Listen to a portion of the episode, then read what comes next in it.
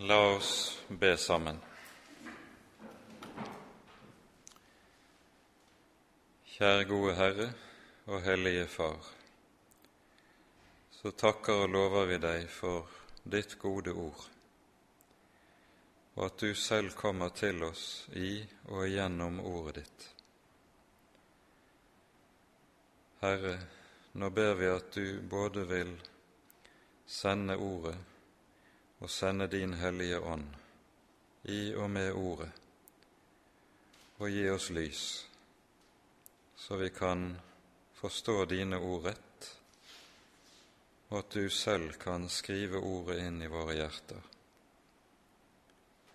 Og så ber vi, Herre, at det må få bli sant, det vi leser i denne kveldens tekst, at vi må få lov til å stå ikledd Jesus Kristus, Han som er vår rettferdighet og vår helliggjørelse. Det ber vi i ditt eget navn, og takker og lover deg, Herre, at du er god, og din miskunnhet varer til evig tid. Amen.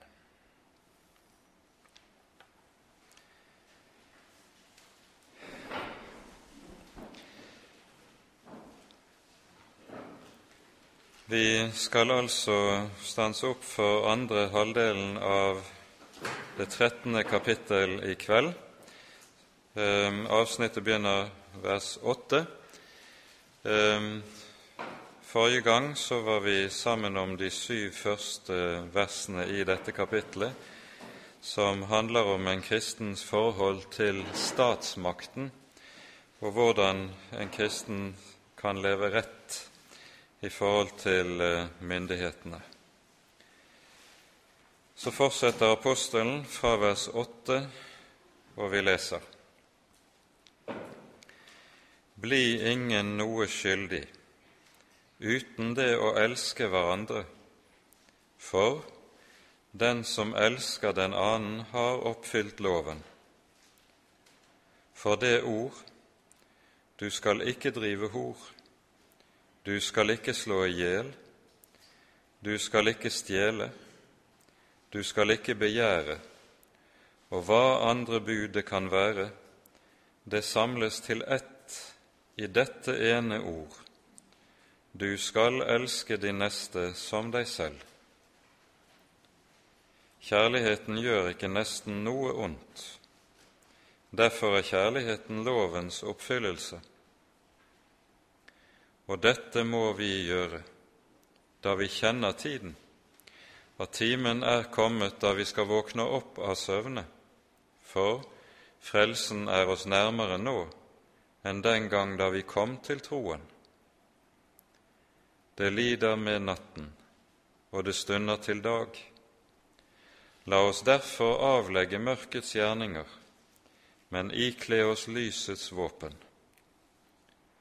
La oss vandre sømmelig, som om dagen, ikke i svir og drikk, ikke i løsaktighet og skamløshet, ikke i kiv og avvind, men ikle dere den Herre Jesus Kristus, og bær ikke således omsorg for kjødet at det vekkes begjærlighet. Amen. Avsnittet som vi her har for oss, det kan, som dere ser, ganske tydelig og klart inndeles i to underavsnitt. Det første fra vers 8 til 10, der apostelen gir oss lovens sammenfatning, og så vers 11 til 14, om hvorledes det å leve i lys av Kristi gjenkomst er noe av den sterkeste motivasjonen for et rett kristent liv. Jesus kommer igjen. La oss derfor våkne opp av søvne, hører vi. Når vi i altså første delen, vers 8 til 10, hører Paulus tale om loven og kjærligheten som lovens oppfyllelse, så skal vi da bare ganske kort minne om det som vi har vært inne på tidligere i forbindelse med særlig kapittel 6 og 7 i Romerbrevet, hvor Paulus taler om nettopp helliggjørelsen.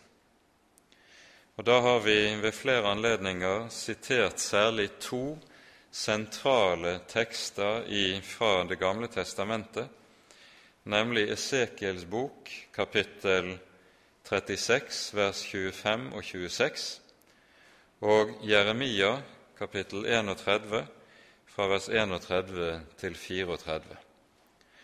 Og I begge disse tekstene tales det om hvorledes Gud, når den nye pakt innstiftes, den som er kjennetegnet ved og bygget på syndenes forlatelse, så fører det med seg at det skapes et nytt menneske.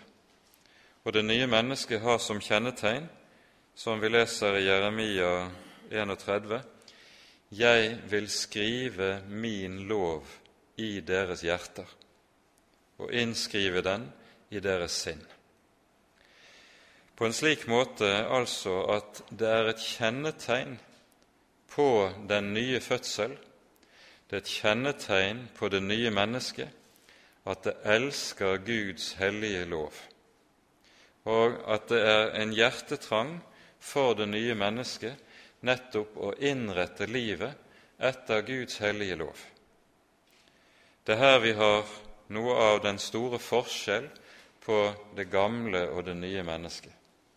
Det gamle mennesket hater loven, fordi loven jo står som en dommer over livet og alt mitt. Og derfor har selvforsvaret som ligger i vår gamle natur, det med seg at det reagerer imot det som dømmer meg. Det gamle mennesket hater loven. Men det nye mennesket, det har det med seg at det elsker loven. For eh, om gamle Adam er gitt under dommen og i døden, så er det kommet et nytt liv, et nytt menneske, som vet at vel er det gamle mennesket gitt i døden, men det er oppstått et nytt menneske. Ved Jesu oppstandelse lever det nye livet, lever jeg i Kristus, og like som Kristus hadde som noe av sitt kall, dette at han kom for å oppfylle loven. Jesus er jo i sitt liv lovens oppfyllelse. Slik blir det også på det vis at der Jesus er livet for en kristen, der vil også loven være noe som en kristen gjerne innretter seg etter og bøyer seg for. Og Derfor taler altså apostelen, som han her gjør, om nettopp loven. Bli ingen noe skyldig uten det å elske hverandre, for den som elsker den annen, har oppfylt loven, innledes det med i vers 8.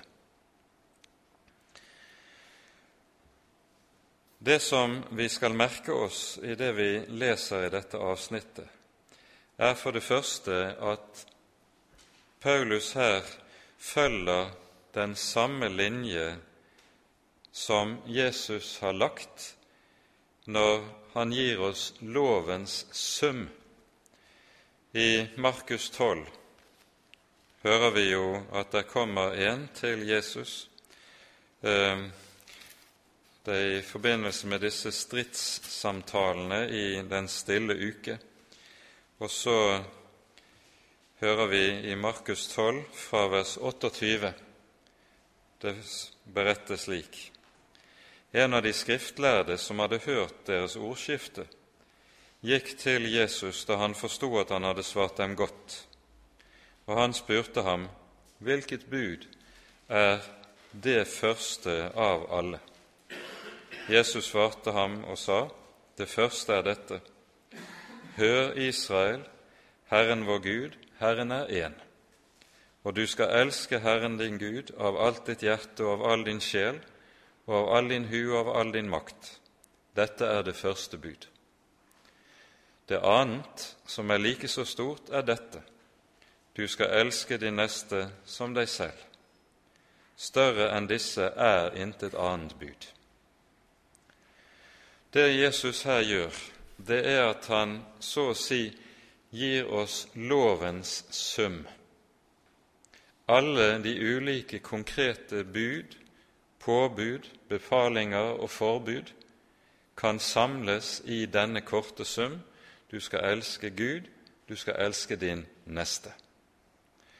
Og det samme tankegang vi altså her møter hos Paulus i Romane 13.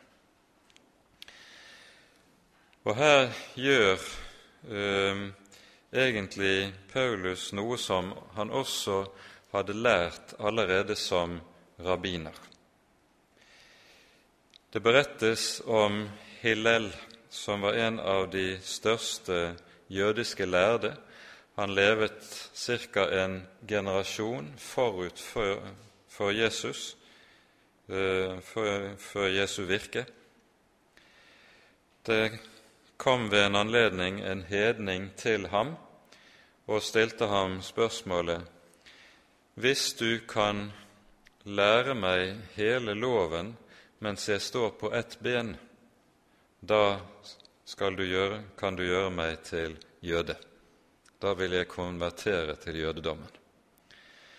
Og Hillel svarte, du skal elske din neste som deg selv, og det du ikke vil at din neste skal gjøre mot deg, skal du heller ikke gjøre mot din neste. Dette er loven, og alt annet er bare utleggelse. Og så ble altså hedningen da konvertitt gjennom dette svaret. For her ser vi noe som eh, var en tradisjon allerede tidlig i skriftlærd jødedom, at en søkte å finne en fellesnevner som kunne sammenfatte hovedsannhetene i Guds hellige lov.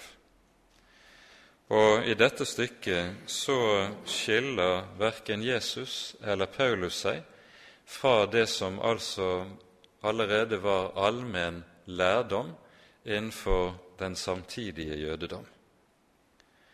Det er det første vi merker oss.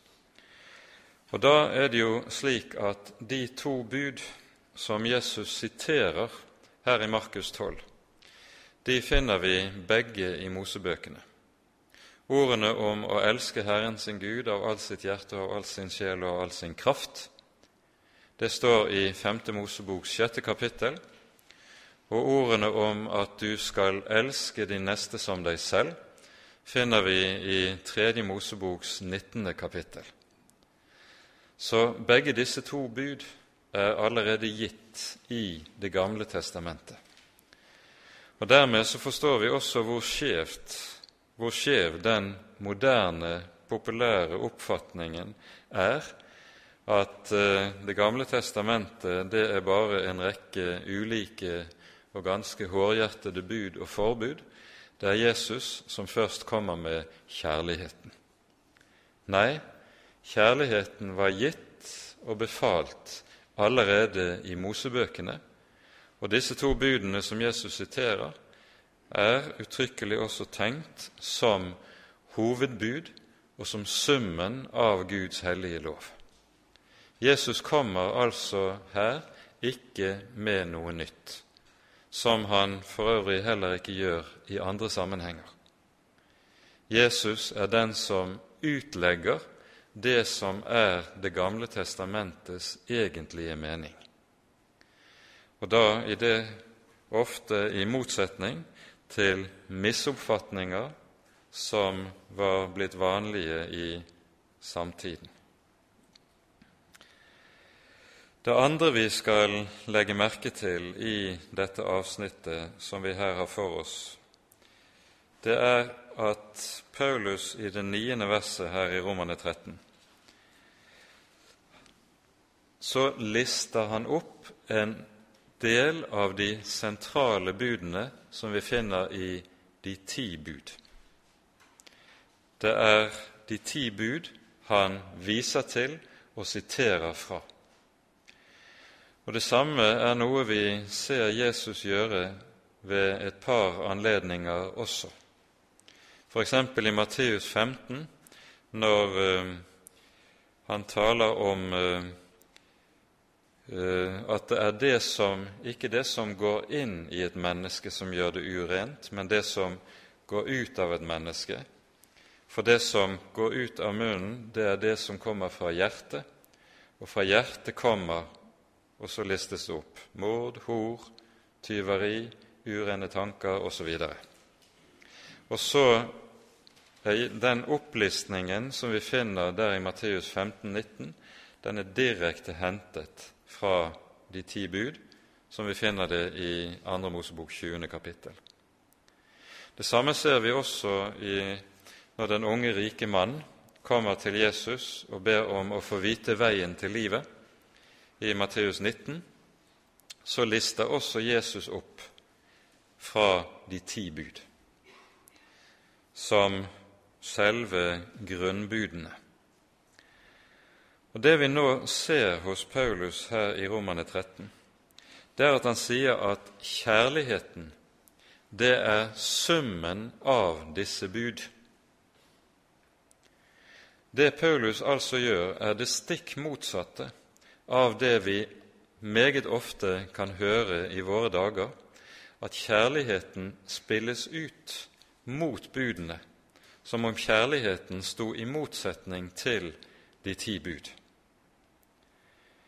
Det er jo en ganske alminnelig foreteelse i våre dager, ikke minst når vi ser på det som har med det sjette budet å gjøre. Og da tror jeg vi skal se noe nærmere på ikke minst akkurat det som har med det sjette budet i denne sammenheng. For vi legger merke til Paulus sier i det niende verset du skal ikke drive hor, du skal ikke slå i hjel, du skal ikke stjele, du skal ikke begjære. Så sies det uttrykkelig at ordene om ikke å drive hor, det er en del av kjærlighetsbudet. Og Her ser vi en sterk motsetning, for det første mellom det bibelske begrepet for kjærlighet, som er agape. Og det ordet som om ble brukt vanligvis om kjærlighet i den gresk-romerske samtid, som var eros, og som eh, er den vanlige betydningen av ordet kjærlighet, slik som det ofte brukes i våre dager. Det er egentlig litt ulykkelig at vi ikke i norsk språk har mulighet til ved hjelp av ulike ord å kunne skille mellom de ulike typer kjærlighet. For eros-kjærligheten, det er den begjærende kjærlighet, og den som vi møter i, igjen i ordet erotikk, mens agape jo anvendes som begrep for kjærlighet, som den kjærlighet som gir seg selv, og som står i den skarpeste motsetning til den menneskelige egoisme. Der hvor ordet kjærlighet, det nytestamentlige ordet for kjærlighet, agape, anvendes, der betyr det døden for alt som heter det naturlige menneskets egoisme. Og det skal vi legge nøye merke til. I våre dager er det jo sånn at vi er fanget inn av en tenkning rundt det som har med kjærlighet å gjøre, som springer ut av bestemte forhold tilbake til opplysningstiden.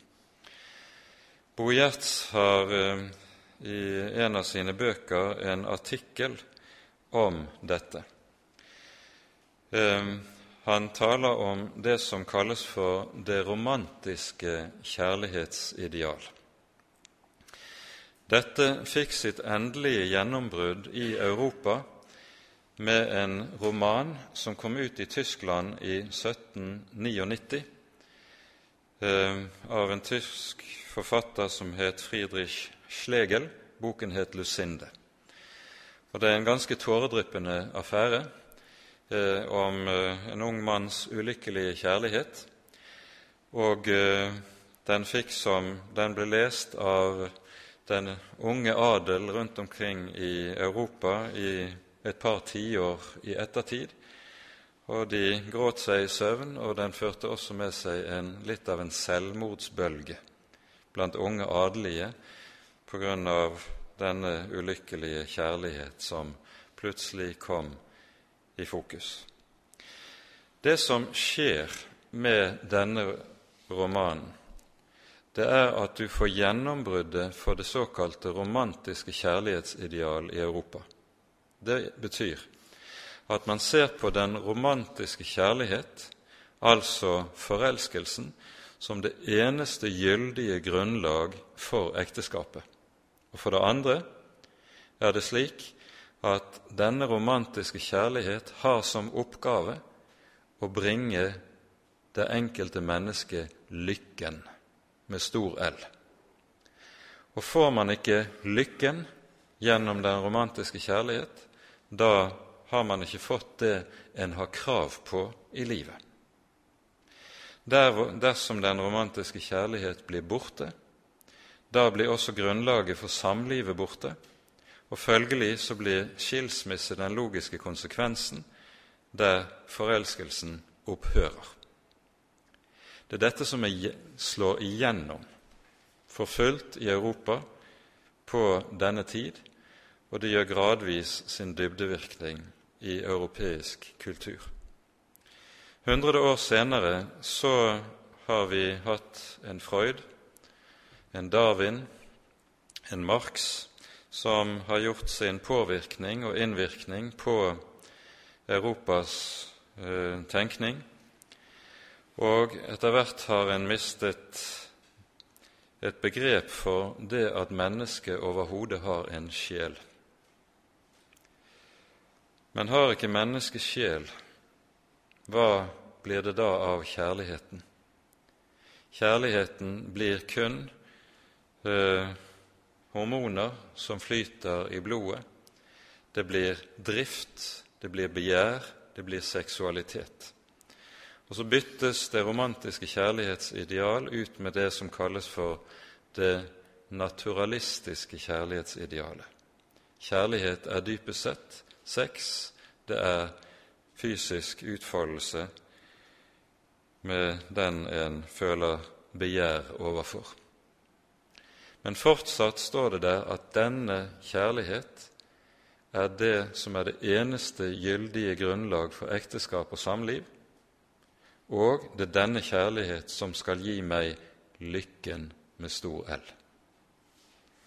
Det at denne tenkning har slått igjennom sånn som den har gjort i europeisk kultur, det er jo det som er bakgrunnen for den skilsmissestatistikk som vi så kjenner så altfor godt i våre dager, der 50% ca. av alle inngåtte ekteskap går i oppløsning. Eh, det det dreier seg om her, er nemlig et kjærlighetsideal som er fundamentalt annerledes enn det bibelske. Skal du sette ord på hva som er det bibelske kjærlighetsidealet, det kanskje, kan det kanskje gjøres aller best ved hjelp av et ord fra ordspråkene 20, vers 6. Der står det Mang en mann roper høyt, hver om sin kjærlighet, men hvem finner en trofast mann? Den kristne kjærlighet defineres ved hjelp av ordet trofasthet. For det er jo det som trengs i et samliv der to skal leve sammen. Så vil det alltid være slik at når hverdagen kommer, så vil de blomstrende følelsene etter hvert bli svakere.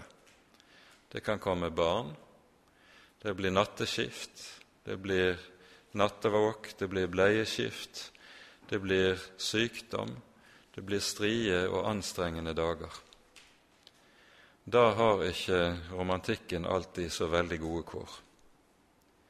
Men det er da det skal vise seg om kjærligheten er kjærlighet, nemlig gjennom trofasthet. En står ved, en står sammen. En vet at et samliv bygges av at det er to som skal arbeide sammen, stå sammen, bygge sammen gjennom et helt liv, inntil døden skiller oss ad. En kjærlighet som er preget av annet enn dette, det bærer ikke den bibelske betegnelsen kjærlighet. Det er noe annet. Og Det vi ser for oss i dagens situasjon, det er at mennesker flest tenker og mener som så at det er denne forelskede romantikk som er kjærlighet i ordets egentlige forstand. Og en oppfatter det da, slik som en ofte kan se det i offentlig diskusjon, slik at et krav om ekteskap det er bokstavtrelldom og paragrafrytteri. For kjærligheten må jo få utfolde seg fritt. Og eh, kristne som da taler om ekteskapet som en del av dette som har med kjærlighet slik Bibelen definerer det, de får meget fort stempelet intolerante mørkemenn. Vi kjenner hele denne diskusjonen alle sammen, tror jeg. Det Paulus taler om i denne sammenheng, skal vi altså være meget klar over. Man kan ikke spille kjærligheten i ordets bibelske mening ut mot de konkrete Guds bud. De to ting hører sammen. Det ene kan ikke være uten det annet. Dernest skal vi kanskje også være klar over når det gjelder det vi leser i vers 9, når det er oversatt 'du skal ikke drive hor', så er det sånn i Bibelen, både i Det gamle og Det nye testamentet, at vi finner to ulike verb som brukes for å beskrive brudd på det sjette bud.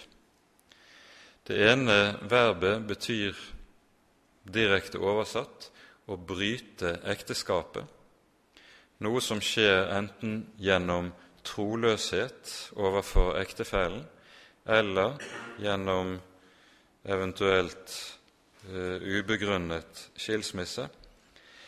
Uh, dernest det annet ord som betyr saksvarende å drive hor.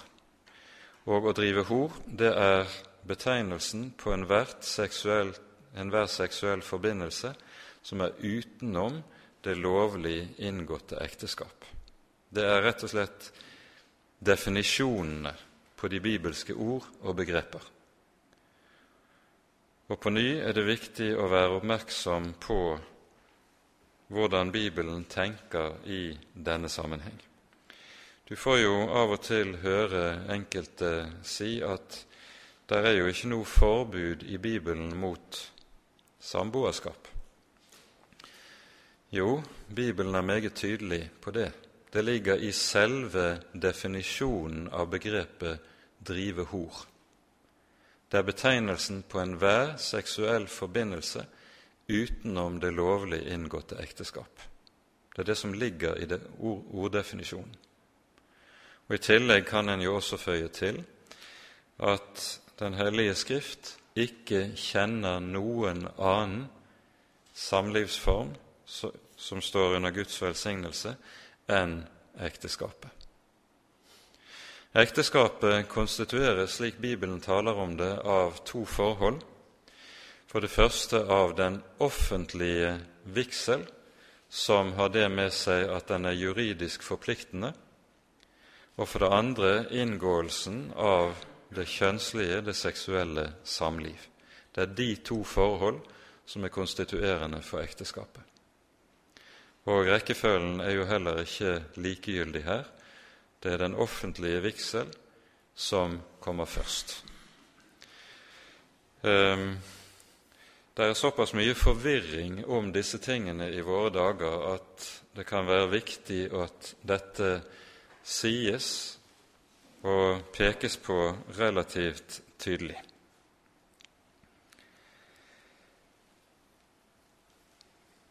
Paulus sier altså i vår sammenheng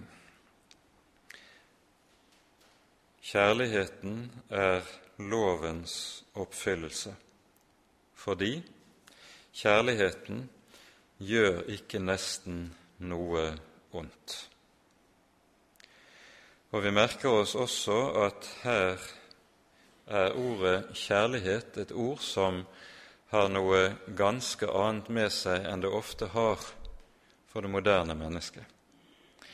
For det moderne mennesket betyr ordet kjærlighet ofte noe litt sentimentalt og følelsesladet, det følelsesmessige er ikke det som har vekten i Det nye testamentet. Det som har vekten i Det nye testamentet, det er at kjærligheten er villig til å ofre seg selv. Altså til å stille nesten forut, foran seg selv. Det er det Jesus selv gjorde når han ga sitt liv for vår skyld. Han stilte deg og meg foran seg selv ved å gi sitt liv i vårt sted. Ingen har større kjærlighet enn at han setter sitt liv til for sine venner, sier Jesus i Johannes 15. Og det er nettopp dette Jesus gjør. Og det er denne Jesu kjærlighet som skaper en bestemt frukt i alle troende menneskers liv. Vi elsker fordi Han elsket oss først. Og vi husker også fortellingen i Lukas 7 om synderinnen i fariseeren Simons hus, der Jesus på etter at Simeon har tenkt ille, og sier at dersom denne mannen var en profet, da ville han visst at denne kvinnen var en synderinne. Og så fremstiller Jesus en enkel lignelse for Simon og sier en mann hadde to skyldnere. En skyldte ham 500 denarer, en annen 50. Han etterga dem begge gjelden. Hvem av dem tenker du ville elske ham mest? Og så Svaret gir seg jo selv. Og så sier Jesus den som er meget tilgitt, elsker meget. Den som er lite tilgitt, elsker lite. Kjærligheten er frukten av syndenes forlatelse. Og Derfor vil kjærligheten slik alltid komme til å gjøre seg gjeldende så sant syndenes forlatelse for Jesus skyld har fått plassen i et menneskes hjerte.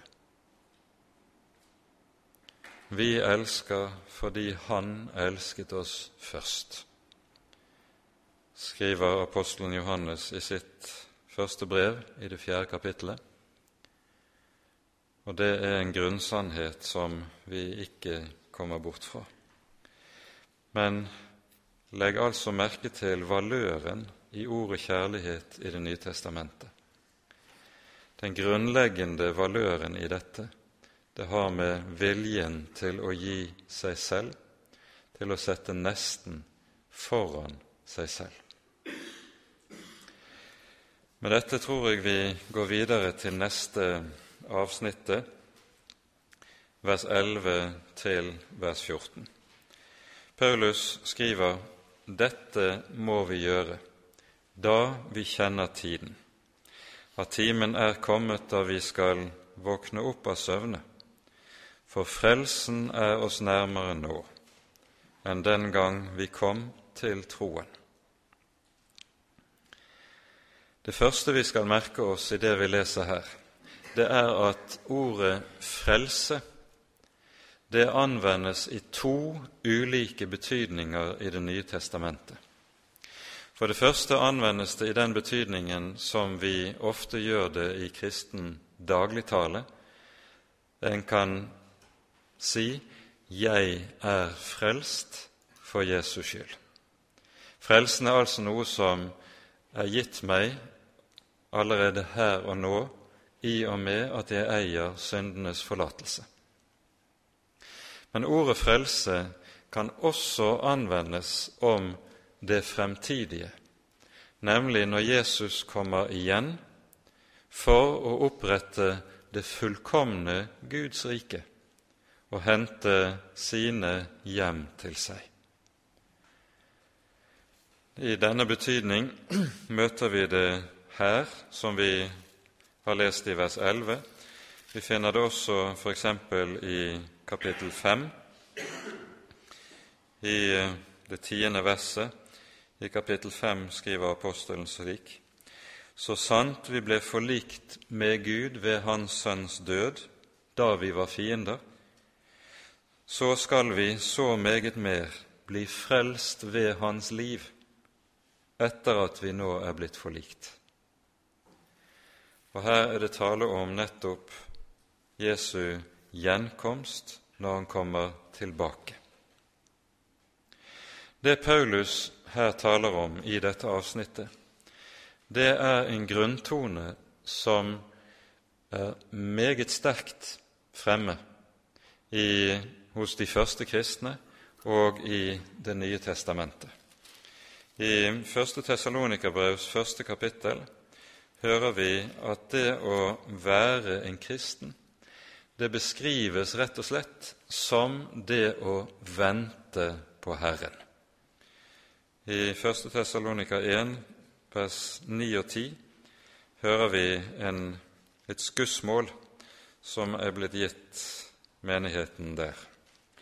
Selv forteller de om oss hvilken inngang vi fikk hos dere, og hvorledes dere vendte dere til Gud fra avgudene for å tjene den levende Gud, og vente på Hans Sønn fra himlene, som Han oppvakte fra de døde, Jesus, Han som frir oss fra den kommende vrede.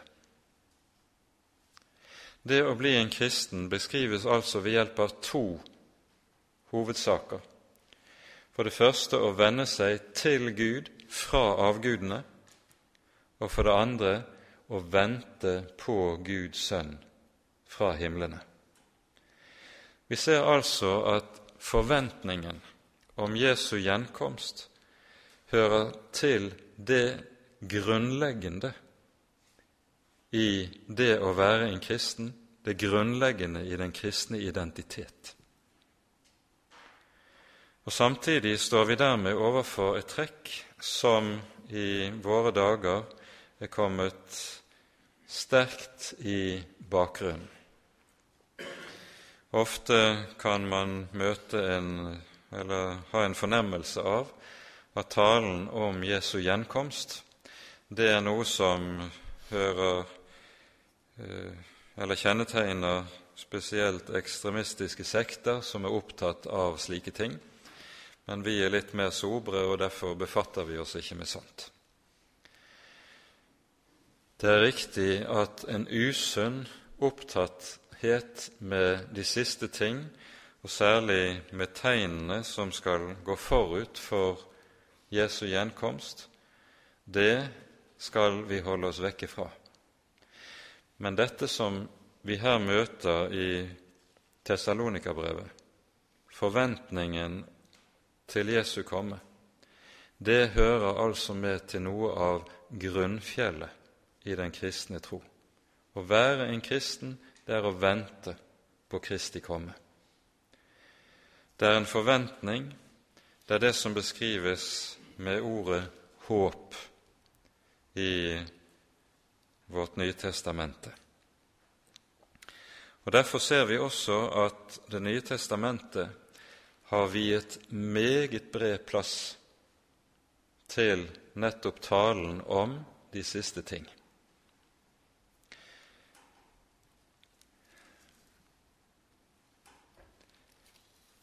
Det Paulus her gjør, det er at han peker på at nettopp forventningen, en levende forventning om Jesu gjenkomst, det er en meget viktig eh, kraft, om man kan bruke et sånt uttrykk, når det gjelder det kristne livet. Vi hører noe tilsvarende i 1. Johannes brev, i det tredje kapittelet. Her eh, leser vi som følger Dere elskede Det er vers 2 og vers 3. Dere elskede, nå er vi Guds barn og det er enda ikke åpenbart hva vi skal bli, men vi vet at når Han åpenbares, da skal vi bli ham like, for vi skal se ham som han er. Og så kommer det:" Vær den som har dette håp til ham, han renser seg selv, like som han er ren. Altså håpet, forventningen, har en rensende kraft i troende, det troende menneskes liv. For det og det både Johannes taler om i den sammenhengen vi har lest, og det som Paulus taler om her i Romane 13, det er den renselse som helliggjørelsen innebærer i en kristens liv. I parentes legger vi her til at man ofte med gammel kristen språkbruk har talt om to ulike former for renselse av, som gjør seg gjeldende i en kristens liv. Den første renselse er det som kalles for blodets renselse. Det er den som vi får del i gjennom syndenes forlatelse, at Jesus med sitt blod har kjøpt oss fri fra all synd, renset oss fra all vår skyld. Og For det andre taler man om det som kalles for Åndens renselse. Og Med det tenkes det på helliggjørelsen, den rensende og lutrende gjerning som Gud har å utføre gjennom hele, og som foregår hele livet igjennom, så lenge jeg vandrer med Herren. Blodets renselse det er en fullkommen renselse. I Jesus er jeg fullkomment rettferdig. Åndens renselse, det er noe som stadig pågår, og som aldri når sitt mål her i verden og her i livet. Jeg blir aldri syndfri. Jeg kommer til, så lenge jeg er her i verden, til å ha synden liggende i mitt hjerte og i mitt liv. Og nettopp derfor så skal Den hellige ånd få utføre denne stadige gjerning på mitt hjerte og i mitt liv. Og det er dette som vi kaller Åndens renselse, Paulus taler om i denne sammenheng. Når endetids- eller forventningen om Kristi gjenkomst kan synes som å være så svak som den ofte er iblant oss, så henger det ofte sammen med at vi har fått det så godt her i verden at det likesom blir slik at vi mister evighetsperspektivet av øyet.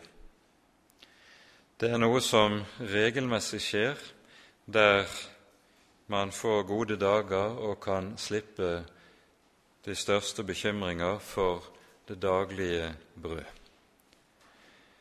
Det viser meget tydelig hvor skrøpelig vår natur er. At så snart vi får det godt, så begynner vi å innrette oss her i verden som om vi skulle være her for alltid. Evighetsperspektivet svekkes. Til dette må vi minne oss selv om noe Paulus skriver i 1. Korinterbrev 7. kapittel.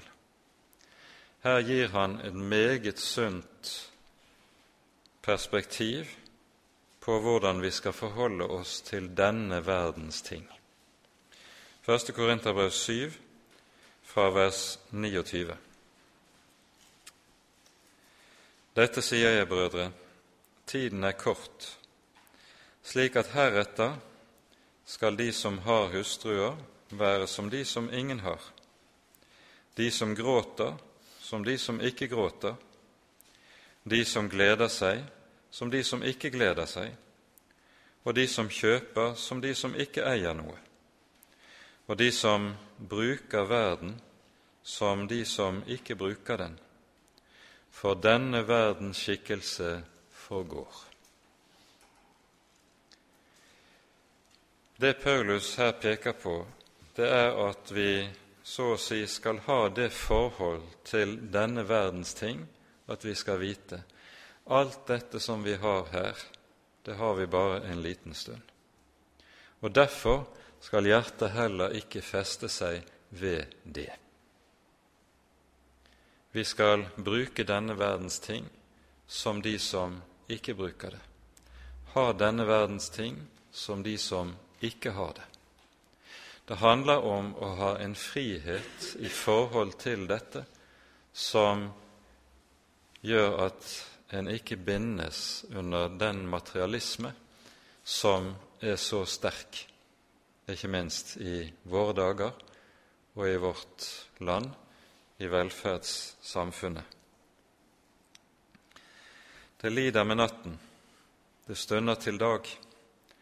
La oss derfor avlegge mørkets gjerninger og ikle oss lysets våpen. Legg merke til motsetningen som Paulus her tegner for oss. En skulle forvente at han ville sagt, la oss derfor avlegge mørkets gjerninger og ikle oss eller gjøre lysets gjerninger. Men det gjør han ikke. Han sier 'la oss ikle oss lysets våpen'. Hadde han sagt det første, så kunne det meget fort ha ført ut i en type kristelig moralisme, noe som vi altfor ofte ser tar skikkelse i Kirkens historie. Men altså motsetningen til mørkets gjerninger er lysets våpen. Tilsvarende motsetninger møter vi en rekke steder ellers i Paulus sine brever. Har du først lagt merke til det, så vil du se at dette er ganske iøynefallende. Hva lysets våpen er, skal vi komme tilbake til, men vi skal først se litt nærmere på det som nevnes i vers 13. La oss vandre sømmelig som om dagen, ikke i svir og drikk, ikke i løsaktighet og skamløshet, ikke i kiv og avvind. Her møter vi tre ordpar som hver for seg eh, taler om disse tre ulike forhold på litt forskjellig vis. Ganske kort litt om enkelte av disse ordene eller begrepene. Det begrepet som er oversatt med svir, eh, det er et ord som opprinnelig ble brukt for å betegne eh, vennene til en som f.eks. hadde vunnet eh, i olympiaden, og som var med i feiringen av seieren. Men det kom etter hvert til å bety slike som blir en betegnelse på allment på slike som feirer vilt, og på Paulus tid betydde ordet eh, slike som eh, godt påseilet for brølende gjennom gatene på, midt på natten. Det er det ordet som anvendes i denne sammenheng. Svir og drikk. Drikk, det behøver ikke nærmere utlegging. Det det taler om her, er at både blant jødene og blant grekere og i den første kristne menighet var det også slik at drukkenskap ble sett som noe som var dypt skammelig.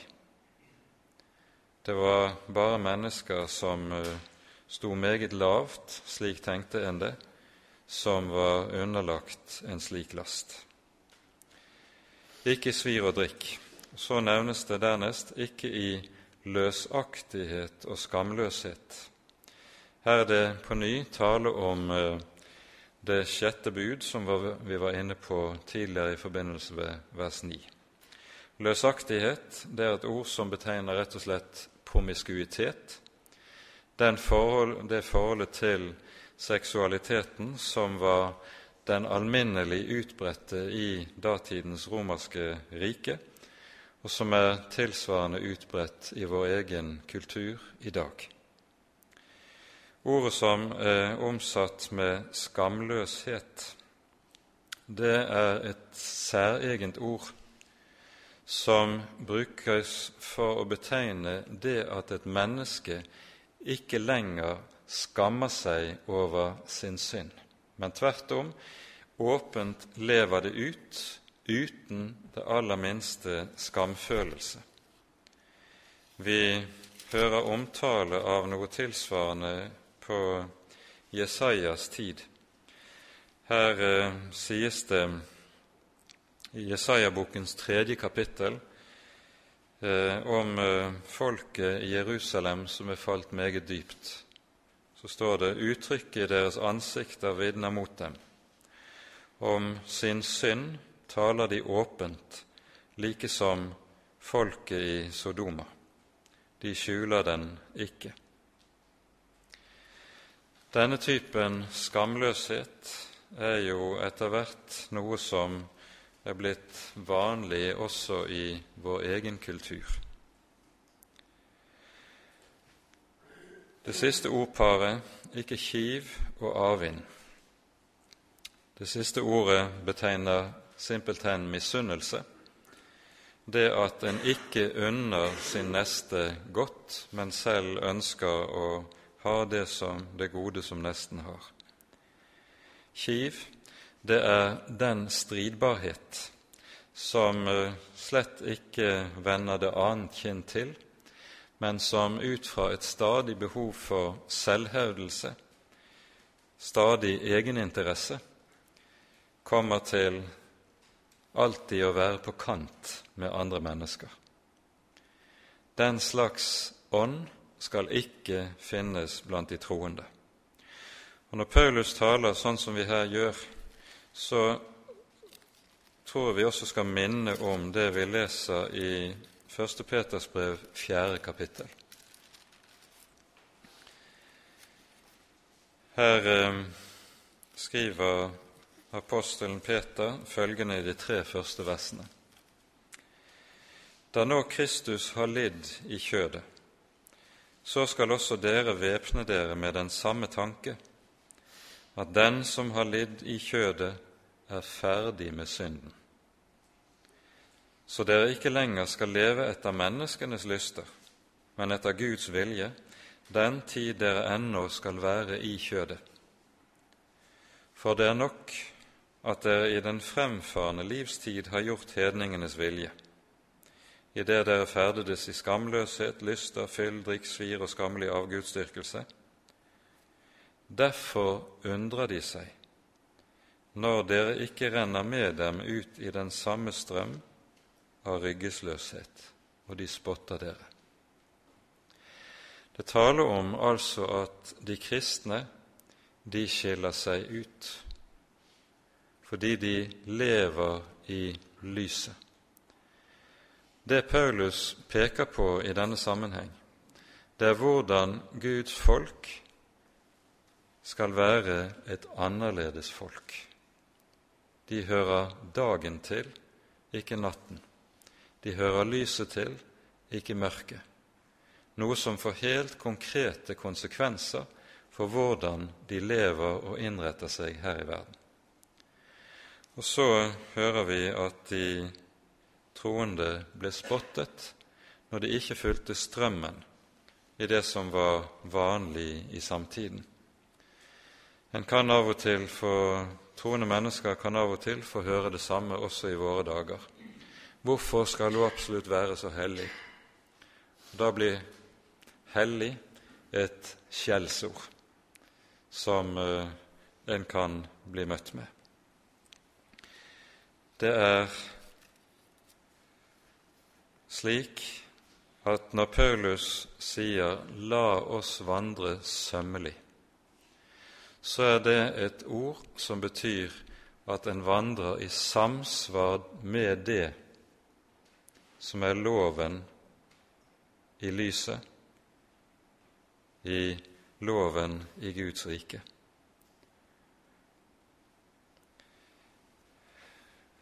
Motsetningen til dette var altså å ikle seg lysets våpen, som vi hører i vers 14.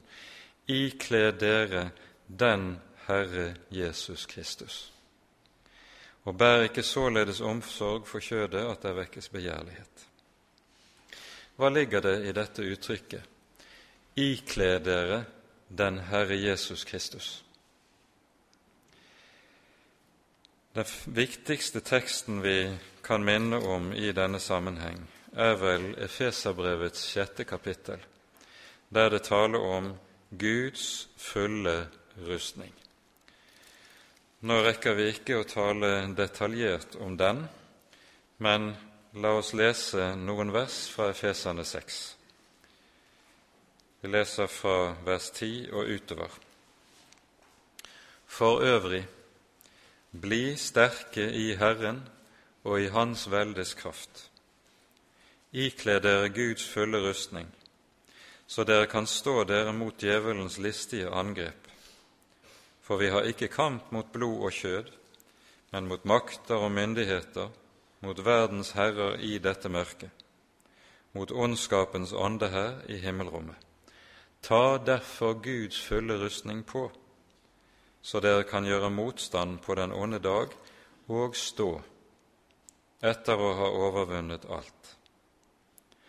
Så står det omgjort om deres lend med sannhet, og ikledd rettferdighetens brynje, ombundet på føttene med den ferdighet til kamp som fredens evangelium gir, og grip foruten alt dette troens skjold, hvormed dere skal kunne slukke alle den ondes brennende piler, og ta frelsens hjelm og Åndens sverd, som er Guds ord, idet dere til enhver tid ber i Ånden. Hvis du stanser opp for hvert enkelt av disse ulike, hver enkelt av disse ulike delene av rustningen, så vil du se at det her er tale om ulike sider ved evangeliet, ulike sider ved hva vi har i Jesus og i budskapet om Jesus. Poenget er her altså at akkurat som soldaten som skal trekke i kongens klær, får utlevert en uniform som er ferdig, ligger der ferdig for ham. Slik skal også Kristi tjenere, Kristi stridsmenn, få utkledd få ikle seg en drakt som er gjort ferdig. Den er gitt i og med evangeliet og det vi eier i evangeliet. Ikle dere den Herre Jesus Kristus, sies det. Og så er ordene her i Efesane 6 en nærmere utleggelse og konkretisering av hva det handler om. Det er dette som er lysets våpen, og som en kristen trenger for å kunne gjøre motstand på den onde dag.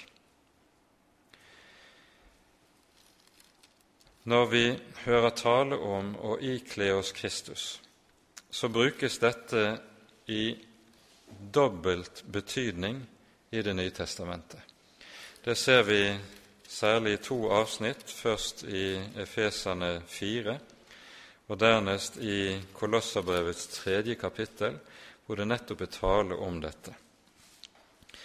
Her sies det i Kolossene 3 om de som hører Jesus til, at de har ikledd seg det nye mennesket. I vers 10 står det slik de har ikledd seg. Det er noe som skjer ved dåpen. Da blir de avkledd det gamle mennesket og ikledd det nye. Og så kommer det etterpå i 12 formaning. Ikle dere da. Og det er dette som på en måte er sammenhengen mellom rettferdiggjørelse og helliggjørelse. Luther har helt enkelt formulert det slik i helliggjørelsen så skal du bli hva du er, nemlig hva du er i Kristus. I Kristus er du rettferdig, derfor skal du leve rettferdig, osv. Det er tankegangen. Dere har ikledd dere, så ikle dere da. Det er sammenhengen i tekstene i Det nye testamentet. Når det tales i perfektum dere har ikledd dere, da er det tale om rettferdiggjørelsen. Ikle dere da som påbud eller formaning, da er det tale om helliggjørelsen. Og de to henger altså uløselig sammen. Paulus taler altså i Romerbrevets 13. kapittel om den rette forventning. En kristen våker når han ikler seg Kristus. Da faller han ikke i søvn, da bevares han mot det som kan føre ham til, å, til fall når han faller i søvn. Og Det som det handler om i denne sammenheng, er at vi har fått et håp. Og så ligger det Jesus på hjertet at du og jeg skal bli bevart inntil enden. At vi også skal nå målet og få lov til å komme inn i det fullkomne Guds rike. Og da skal vi til slutt minne om det herlige løftet som er gitt oss i 1. Peters brevs første kapittel. For når det taler om å ikle seg Kristus, altså ikle seg det vi har i evangeliet, da kan det også konkretiseres på denne måten, som Peter gjør det her i sitt første brevs første kapittel.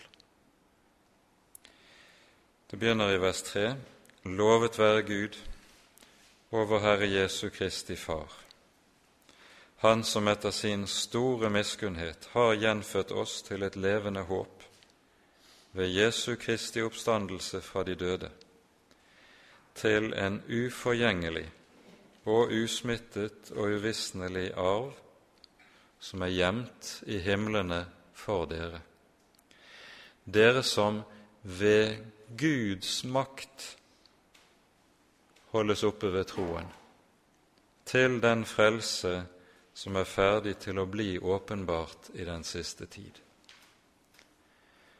Legg merke til det står ikke 'ved egen makt', det står 'ved Guds makt'. Og det er nettopp slik Herren holder oss oppe, ved at vi ikles den Herre Jesus Kristus, ikles evangeliet, i rettferdiggjørelse og i helliggjørelse. Ære være Faderen og Sønnen og Den hellige ånd, som var og er og være skal en sann Gud, høylovet i evighet. Amen.